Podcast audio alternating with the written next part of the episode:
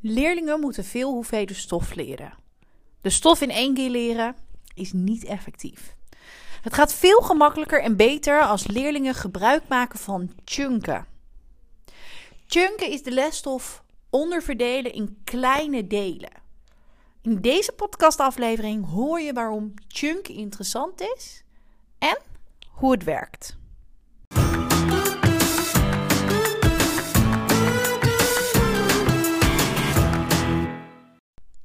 Hey, wat leuk dat je luistert naar de podcast van het Leerlab. In deze podcast leer ik docenten, mentoren, coaches, SLB'ers, LOB'ers, eigenlijk alle onderwijsprofessionals die je kan bedenken, alles over leren leren en plannen. Wat zegt de wetenschap? Wat zegt onderzoek over deze onderwerpen? Maar nog belangrijker, hoe vertaal je dat naar de praktijk? Ik ben Laura en met het Leerlab heb ik een grootste missie. Namelijk alle leerlingen in Nederland en België leren leren en plannen. Om deze missie te bereiken ben ik heel actief op Instagram en maak ik elke zondag deze podcast. Ik hoop je te inspireren, maar ik hoop je vooral in beweging te krijgen. Zodat het leren en plannen makkelijker wordt voor je leerlingen. Ja, want dat is eigenlijk exact wat ik wil en hoop te bereiken bij jou. We kunnen heel veel praten, we kunnen heel veel kletsen over leren, leren, leren, over plannen, maar het is vooral echt doen. En dat is eigenlijk continu wat wij bij het Leerlab ehm, ja, voor jou willen betekenen eigenlijk. We willen heel veel praktische ehm, elementen uh, werkbladen, tips aanbieden, zodat jij ook echt zelf in beweging kan komen en ook aan de slag kan gaan met dat leren, leren en plannen.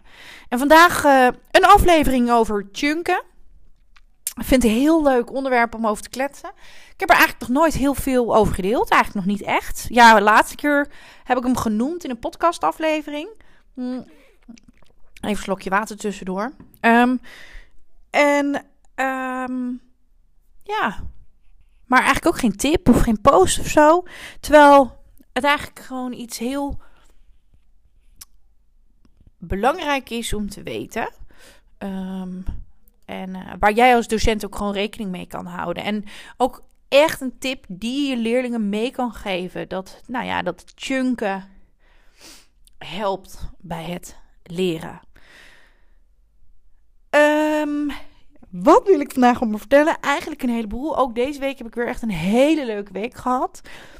Uh, zo ben ik onder andere afgelopen week geïnterviewd door het AD. Eh, het is vandaag vrijdag en vandaag is er ook een fotograaf langs geweest om een foto te maken.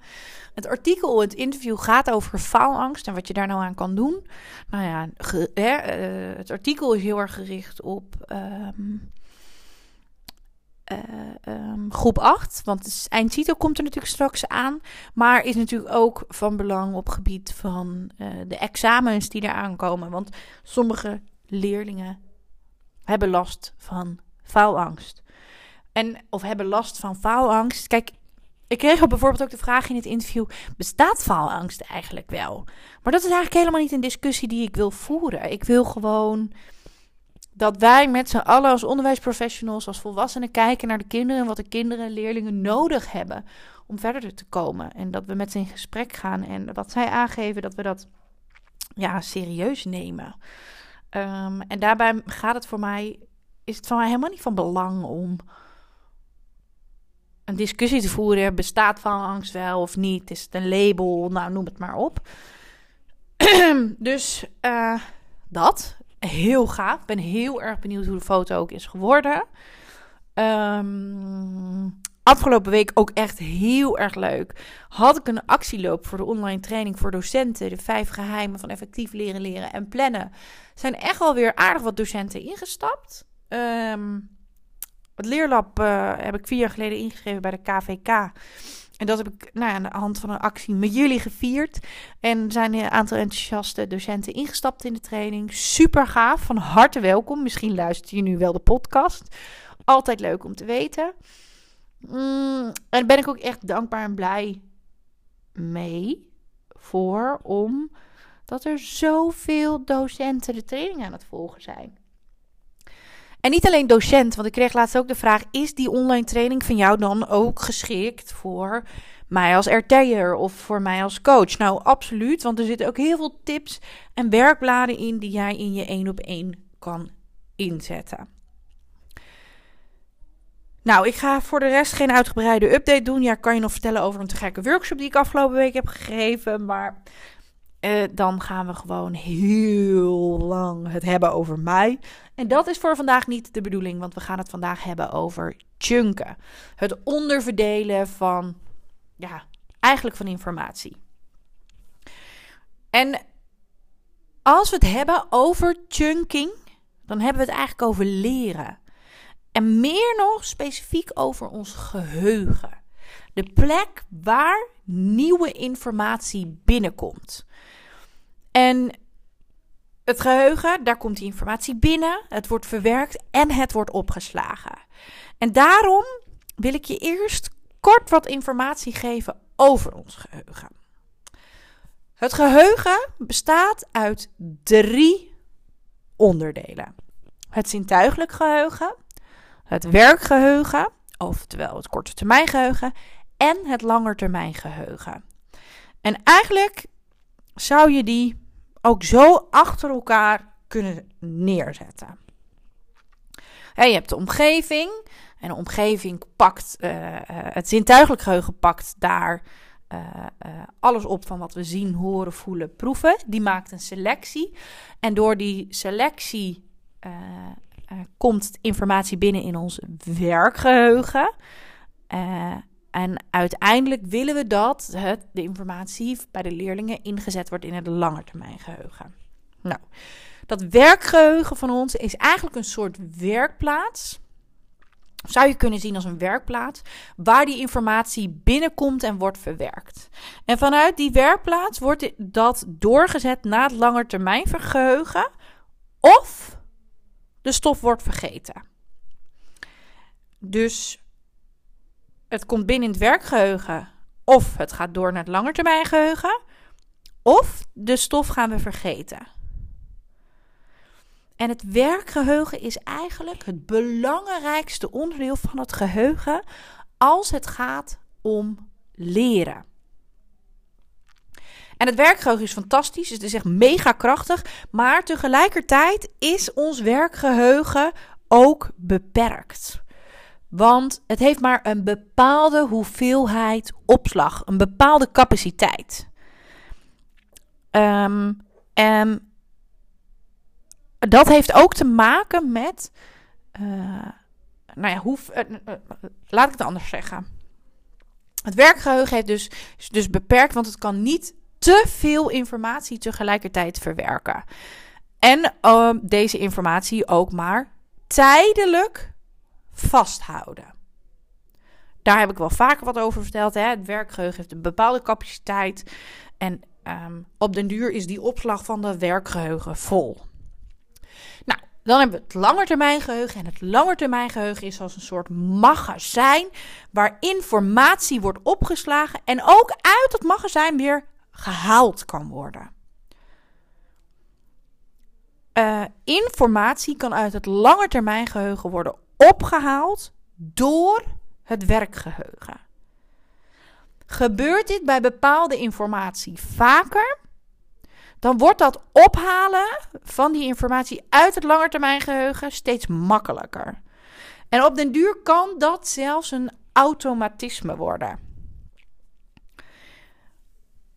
Als we het hebben over lesstof, bijvoorbeeld nieuwe informatie die jij leert met je leerlingen, waar niks mee gedaan wordt, dan vergaat die informatie en wordt de stof eigenlijk weer vergeten. En dat is heel logisch, want het brein vergeet ook continu. Om weer even terug te gaan naar het langetermijngeheugen. Dat langetermijngeheugen hè, is een soort magazijn. En de informatie die met elkaar te maken heeft, staat in het magazijn uh, bij elkaar. Um, dus je moet je heel even voorstellen. Uh, een supermarktmagazijn voorstellen.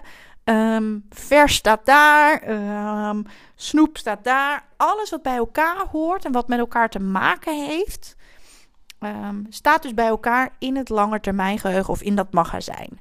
En dit noemen we kennisschema's. En eigenlijk zijn het structuren die kleine kennisdeeltjes met elkaar verbinden en betekenis creëren. Um, om je een voorbeeld te geven, want ik kan me voorstellen dat dit misschien nog een beetje technisch, onderzoekachtig uh, uitleg is. Stel jij staat ochtends, of nee, stel je hebt. Eh, ze gaan hier nu ineens boren of snoeien. Dat is niet de bedoeling, zeg. Potverdorie, ik hoop niet dat je er te veel last van hebt. Oké, stel jij denkt nu aan de ochtend. Als ik aan de ochtend denk, dan denk ik aan het geluid van de wekker. Uh, dan denk ik aan opstaan, dan denk ik aan mediteren, dan denk ik aan douchen, tanden poetsen, ontbijten, aankleden. Uh, alles, die dingen hebben dus te maken bij uh, het opstaan. En die kennisschema's um, in ons magazijn of in ons langetermijngeheugen worden in de loop van de tijd opgebouwd door nieuwe stukjes informatie aan te haken aan al bestaande kennisschema's of door nieuwe kennisschema's te gaan vormen. Nieuw vak eigenlijk in ons magazijn.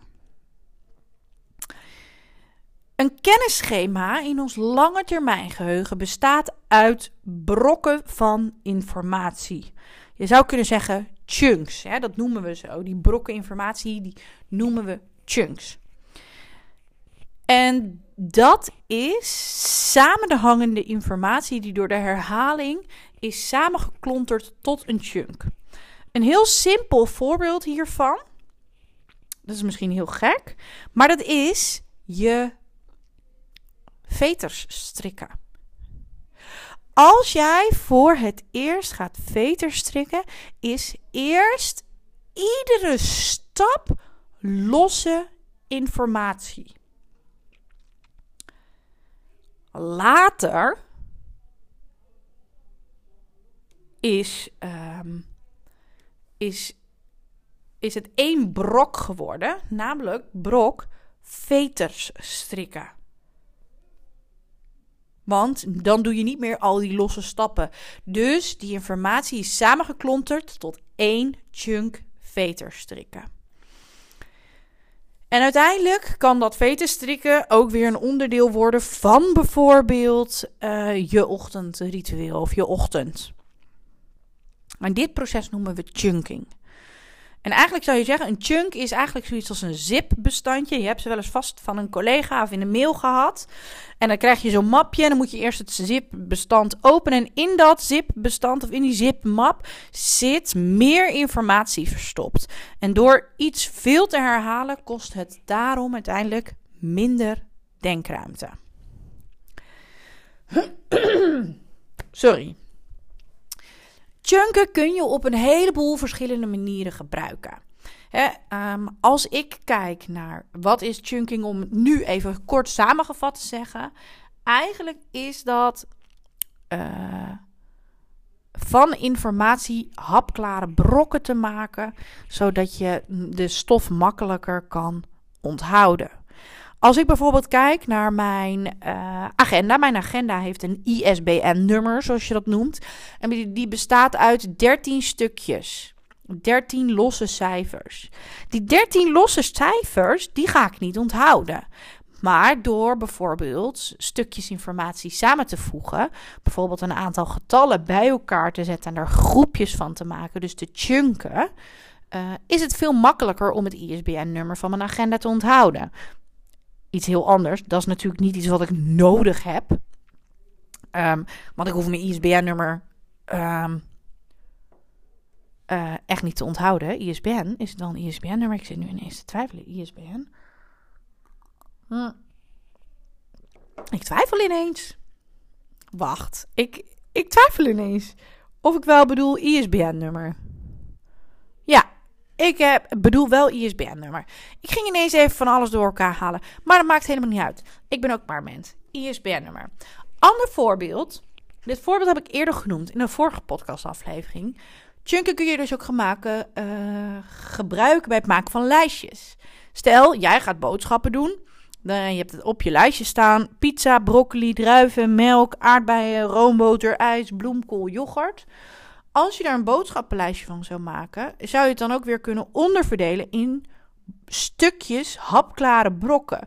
Dus de groenten hier zijn bloemkool en broccoli, fruit, aardbeien en druiven, koelvak of koeling, melk, roomboter en yoghurt. En bij de diepvries halen we ijs en pizza.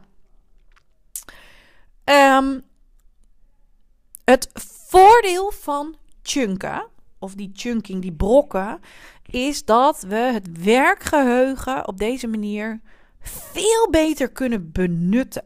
Want ons werkgeheugen kan namelijk gemiddeld 5 tot 6 en maximaal 8 tot 9 losse prikkels. Brokken, oftewel chunks, tegelijkertijd verwerken. Hoeveel dit precies is, heeft heel erg te maken met de complexiteit van de stof.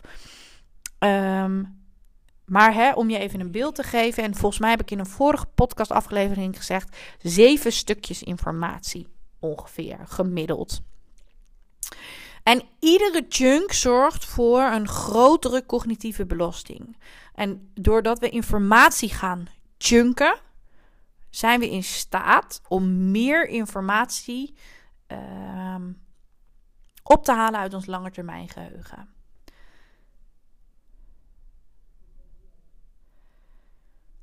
Dat kun je natuurlijk als docent in je les doen. Hè? Uh, de leerstof in behapbare onderdelen op te delen. Daardoor sluit je aan hè, waarop ons brein informatie opslaat. En daardoor zullen jouw leerlingen beter onthouden en de informatie blijft beter, beter vastkleven. Um, maar chunken kun je ook inzetten om te leren. En niet alleen, nou ja, jij niet, maar jouw leerlingen. Chunken kun je bijvoorbeeld, hoe, hoe zou je dat dan kunnen doen? Nou, chunken kun je inzetten voor bijvoorbeeld getallen. Ik noemde net al het ISBN-nummer. Daar gaan we groepjes van maken. Maar leerlingen kunnen dat doen bij bijvoorbeeld het leren van formules van wiskunde of scheikunde. Die formules kunnen ze dan onderverdelen in verschillende chunks. En die chunks zorgen ervoor dat het dus gemakkelijker is om dit te leren. Maar chunks zijn ook in te zetten voor vakken als geschiedenis, maatschappijleer, biologie, noem het maar op. Want je kan ook lange teksten of teksten chunken. En hoe je dat dan doet. Nou, je zou dat kunnen doen door de lesstof. Uh, dit is iets wat jij kan doen hè, uh, als docent, maar leerlingen hebben hier ook profijt van. Door de lesstof te visualiseren en te schematiseren. In bijvoorbeeld een diagram of in een ander soort schema. Op die manier maken we van alle informatie brokken informatie. En dat kan heel erg helpend zijn uh, bij de lesstof. Want leerlingen gaan veel meer zien um, wat bij elkaar hoort. We weten allemaal dat het leren van uh, uh, of het inzicht op het gebied van hoofdzaken en bijzaken vinden leerlingen nou eenmaal heel erg lastig. En daar kunnen schema's bij helpen. En schema's werken eigenlijk dus ook als chunks of als brokken. Nou, hoe kun je dat um, doen? Ik noem heel vaak natuurlijk al het schema van uh, um, uh, geschiedenis. Een hoofdstuk inzichtelijk maken op het bord. Belangrijke gebeurtenissen, belangrijke personen, uh, belangrijke begrippen, de tijdlijn, zodat ze in één overzicht die, dat hè, duidelijk hebben, maar zodat ze ook zien, dit hoort bij dit. Ze gaan veel meer de verbanden tussen de verschillende uh, stof zien. En vanuit dat schema kun je heel gemakkelijk ook chunks maken. En die chunks zorgen ervoor dat leerlingen het weer gemakkelijker kunnen onthouden. Maar je kan ook, ik zie ja, ik zie dat nu even voor me. Het liefst zou ik het voor je uittekenen. Dat kan natuurlijk niet. Maar je zou ook bijvoorbeeld een schema kunnen maken. Als we het hebben over bijvoorbeeld maatschappijleer. Ehm, waar bestaat de trias politicas uit? Dat, dat je ook chunks maakt van die drie verschillende elementen. Ehm, en van boven naar beneden, wie valt waaronder en wat hoort waar dan bij? Ondertussen moet ik heel even nog uh, hoesten. En even een kop koffie, slok van mijn espressootje nemen, anders is die koud. Dus schrik niet. ja. Mm. Die espresso was al koud. Maar stel, je bent dus bezig. Um, um, sorry, ik ben heel even de klus kwijt. Het is voor mij ook vrijdag, einde van de week, einde van de middag. Stel, hè, je geeft zo'n vak met lange teksten of teksten. Um, dan is het allereerst van belang, en ook bij wiskunde en scheikunde, dus dat je voordoet hoe, je, hoe leerlingen chunks kunnen maken. Um, bij vakken met veel tekst is het van belang om de tekst onder te gaan verdelen. Dus je gaat eerst kijken naar hoofdstukken, thema's of paragrafen. En dan ga je per hoofdstuk of per thema of per paragraaf ga je de informatie eigenlijk organiseren. En daarbij komt wel de vraag natuurlijk: wat is de hoofdzaak en wat zijn de bijzaken en wat hoort bij elkaar? En wat is het verband tussen die verschillende alinea's? En uiteindelijk is het van belang om er chunks van te maken. En het kan dus helpend zijn om dat in een schema te zetten, doordat er dan meer structuur is. Um,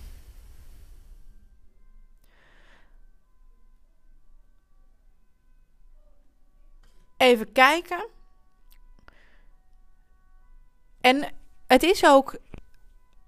Um, ja, dat is denk ik wat ik heel graag nog nu met je wil delen. Voor ons is kennis vaak heel erg logisch. Dit heeft met dit te maken, dit heeft met dit te maken, dit is het verband, deze dingen hangen met elkaar samen. Maar wij zijn expert. Leerlingen, leerlingen zijn dat niet. Die zijn dit aan het leren. En dus leer ze het ook echt om dat te doen. Leerlingen die uiteindelijk zo'n tekst gaan chunken, krijgen inzicht in de verbanden tussen de paragrafen en de hoofdstukken. Uh, ze leren daardoor ook echt hoofd- en bijzaken van elkaar te onderscheiden. En ze zien veel beter wat bijvoorbeeld begrippen met elkaar te maken hebben. Want dat zou je ook kunnen doen, hè? Je, de begrippen erbij pakken, die zijn vaak dik gedrukt in het hoofdstuk. Welke begrippen hebben wat met elkaar te maken? Um, en ik zit ook nu nog even aan de talen te denken, want daar heb ik het nu nog niet over gehad. Dat doet me eigenlijk direct weer denken aan het boodschappenlijstje. Vaak werk je in het, in, met talen natuurlijk in een bepaald thema. Maar binnen dat thema kun je ook weer opdelen in nou ja, die verschillende onderwerpen. En dat gaan chunken. Want dat is gewoon makkelijker en prettiger voor ons werkgeheugen. Chunken is een manier van leren. Een manier van leren die je in kan zetten zodat het leren makkelijk, makkelijker en beter verloopt bij jouw leerlingen. En waarom is het dan zo belangrijk om dit soort leerstrategieën of leermanieren aan te leren bij onze leerlingen? Nou, uit onderzoek weten we dat leerlingen die leerstrategieën beheersen en inzet, inzetten, beter presteren en meer gemotiveerd zijn voor school.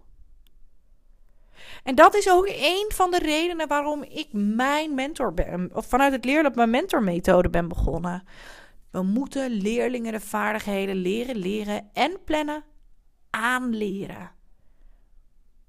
Het zijn vaardigheden die niet spontaan ontwikkelen, maar leerlingen moeten dit leren. En als ze het beheersen en daarmee ook gaan inzetten, zullen ze dus beter presteren en ook meer motivatie hebben. Al die elementen gaan allemaal hand in hand. Misschien zijn jullie op school ook wel op zoek naar een laagdrempelige praktische mentormethode of coachmethode. Um, wij bij het Leerlab helpen je heel erg graag. En hebben aan de hand van onze vijf bouwstenen. Um, nou ja, de, de methode ontwikkeld. Ben je nou nieuwsgierig naar de mentormethode? En is dit, misschien is dit wel iets voor jullie, hè? als jullie aan de slag willen met executieve functies. Leren, leren, plannen, overzicht bewaren, motivatie, jezelf kennen. Dan kun je onze mentormethode nu 30 dagen gratis proberen. Ik zal heel even een linkje in de show notes zetten, dat je daarop kan klikken en dat je je kan aanmelden. Dan krijg je toegang. Wij zijn heel erg benieuwd wat je ervan vindt. Ik ben heel erg benieuwd wat je ervan vindt. Er zit echt een kriebel in mijn hoes van hier tot Tokio, dus ik ga het gewoon lekker hierbij laten. Dankjewel weer voor het luisteren. En ik zou zeggen tot volgende week. Hasta la vista. Ciao.